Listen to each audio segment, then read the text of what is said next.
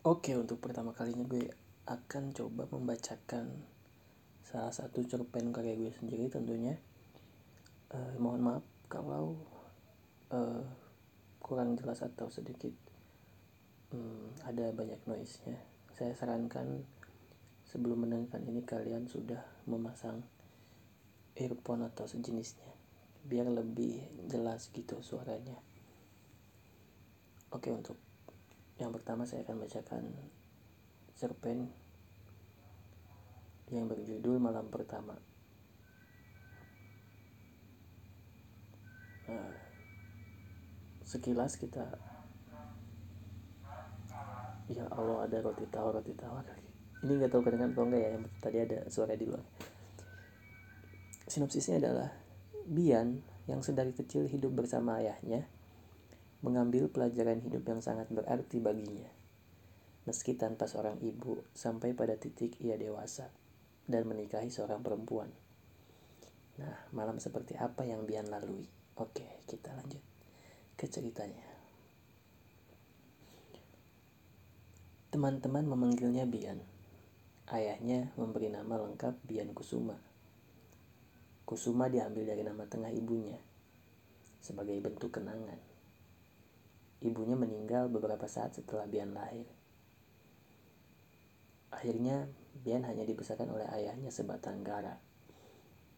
Tak terasa sudah 10 tahun lamanya Bian bersama ayah. Ya, Bian keluar main sama teman-teman ya. Teriak Bian dari teras rumah. Padahal ayahnya masih tertidur di kamar.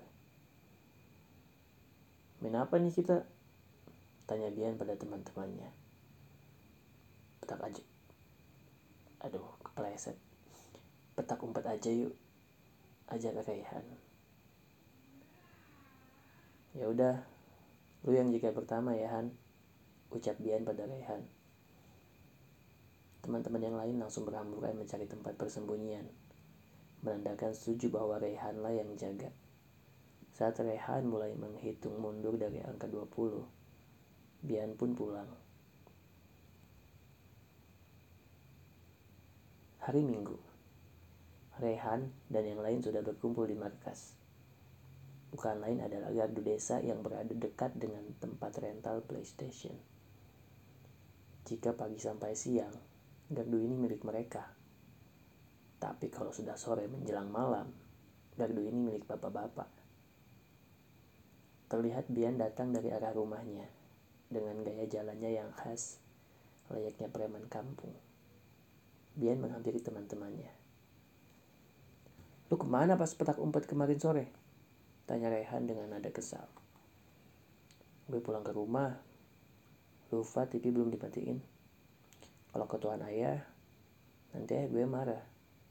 Bisa-bisa gak dibolehin main lagi. Jelas Bian.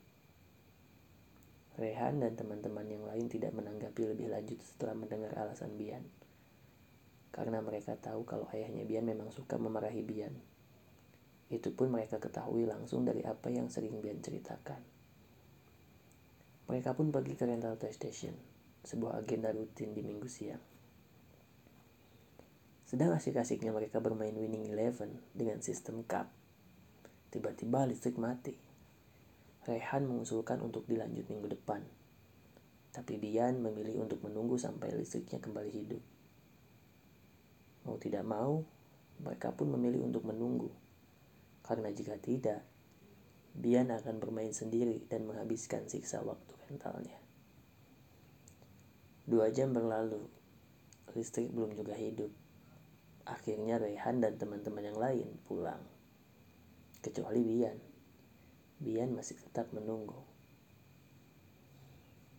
Bulan Desember. Curah hujan begitu tinggi namun tidak terlalu sering. Kadang hari ini hujan, besok tidak. Begitu seterusnya. Bian, Rehan, dan yang lainnya memanfaatkan musim hujan ini dengan bermain di sungai. Saat musim hujan air sungai jadi tidak dangkal. Sungai yang tidak begitu lebar masih bisa mereka arungi dengan berenang. Kedalaman sungai pun hanya 2 meter. Maka dari itu sesekali mereka loncat dari jembatan, silih berganti dengan gayanya masing-masing. Sorak-sorai terlihat saat satu persatu dari mereka berhasil terjun bebas ke sungai. Sore itu awan mulai mendung. Sedikit terasa tetesan air hujan membasahi mereka. Terlihat pula riak air di permukaan sungai. Wah, gerimis nih. Pulang yuk. Ajak Rehan pada teman-temannya. Aduh, lagi seru-serunya gini, ucap Bian. Ayolah, kita pulang aja, ajak Rehan lagi. Terakhir deh sebelum pulang, gue tantang lu loncat gaya salto. Berani gak? Habis itu kita pulang. Tantang Bian. Rehan bengong. Lu bengong, gue anggap iya ya. Oke gue dulu deh yang loncat, ucap Bian dengan percaya diri. Pure. Bian pun loncat dengan gaya salto yang ia bicarakan. Sekarang giliran lu. Titah Bian. Dengan sedikit agak ragu, Rehan menaiki pagar pembatas jembatan, bersiap untuk loncat. Sesekali Rehan melihat ke bawah dan ke atas. Pure. Rehan pun loncat. Teman-teman memberikan beberapa tepuk tangan karena loncat salto yang dilakukan Rehan mendarat dengan sempurna ketimbang Bian. Nahas, saat Rehan hendak menepi ke tepi sungai, tiba-tiba banjir bandang datang menerpa. Tidak ada yang melihat datangnya banjir ini karena alur sungai yang sedikit berbelok. Hanya dalam hitungan detik, Rehan yang bertubuh mungil layaknya anak umur 10 tahun, hilang tak terlihat. Bian dan yang lainnya hanya bisa berdiri mematung di atas jembatan dengan tatapan kosong. Begitulah kira-kira masa kecil aku dulu. Banyak sebetulnya kenangan manis dan pahit yang aku alami. Tapi kalau aku ceritain semua, malam pertama ini akan habis dengan cerita masa lalu. Ucap Bian pada istrinya. Linka, istri Bian, hanya mengangguk dan tersenyum. Posisi mereka yang sedang duduk berhadap-hadapan di atas kasur sangat terlihat nyaman untuk saling berbagi kisah. Apalagi waktu sudah mulai larut malam. Hanya mereka yang bisa menikmati indahnya malam pertama. Pertemuan dan pertemuan Bian dan Linka sangat singkat. Waktu itu mereka bertemu saat rapat urusan kantor. Benih-benih cinta muncul di antara keduanya. Karena umur yang sudah tak lagi muda, mereka putuskan untuk menikah. Maka dari itu, Bian inisiatif mencairkan suasana malam pertama dengan bercerita tentang masa lalunya. Eh, tentang masa kecilnya. Bagaimana dengan masa kecil kamu? Tanya Bian sambil menopang dagu. Masa kecil aku biasa-biasa saja. Tidak ada yang aneh, tidak ada yang kelam, tidak ada yang istimewa jelas Linka. Tidak mungkin, sanggah Bian. Iya, karena sedari kecil aku ini anak rumahan. Jadi waktu kecil hanya aku habiskan di rumah. Kamu tidak punya teman? Tanya Bian lagi. Ada, namanya Selo. Dia seekor kucing. Kucing jenis Anggora. Oh, kalau kucing aku dulu juga pernah. Pernah memakannya. Jelas Bian. Dulu waktu SMA, aku dan teman-teman hendak pergi berkemah. Tak sengaja seekor kucing terlindas ban mobil kami. Kasihan aku melihatnya sekarang. Akhirnya aku sembeli menggunakan pisau lipat yang aku bawa. Niat hendak menguburnya saat sampai perkemahan, tapi kucing itu akhirnya aku bakar. Ternyata dagingnya cukup enak. Jelas Bian lagi. Linka hanya bisa menelan ludah mendengar cerita Bian. Gak usah takut. Kejadian itu hanya mengobati rasa penasaranku saja. Setelahnya, mana mungkin aku membakar dan memakan daging kucing lagi. Ucap Bian. Kalau impianmu, apa impian yang belum terwujud dalam hidupmu? Tanya Linka mengalihkan topik. Untuk masalah karir, mungkin sudah aku capai. Bekerja sebagai CEO di perusahaan yang tidak kecil, sudah bisa membuat ayahku bangga.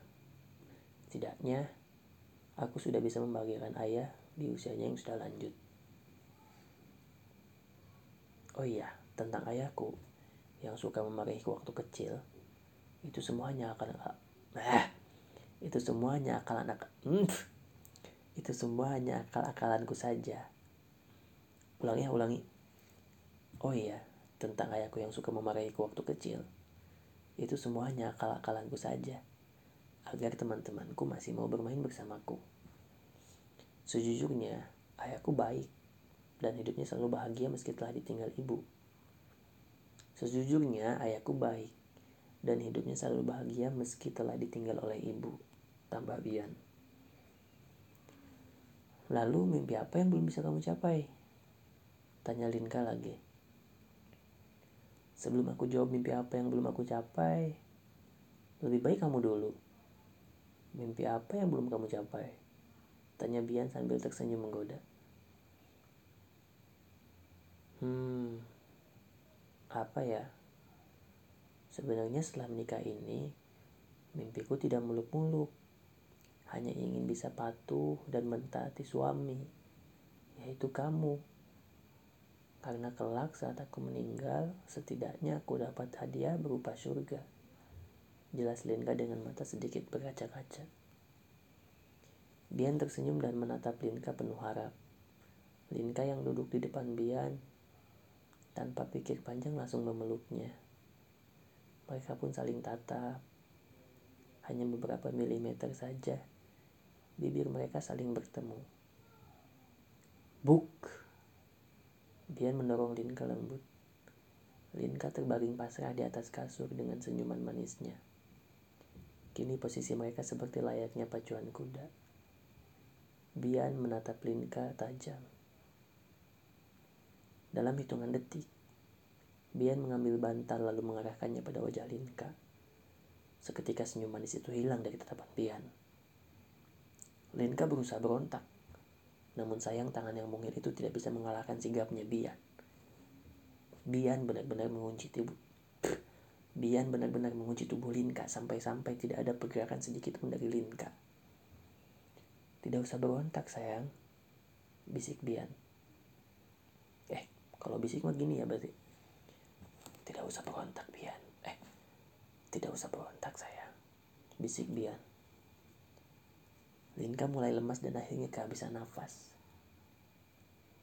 Bian masih berada di posisinya, tapi sudah melepas bekapan pada wajah Linka.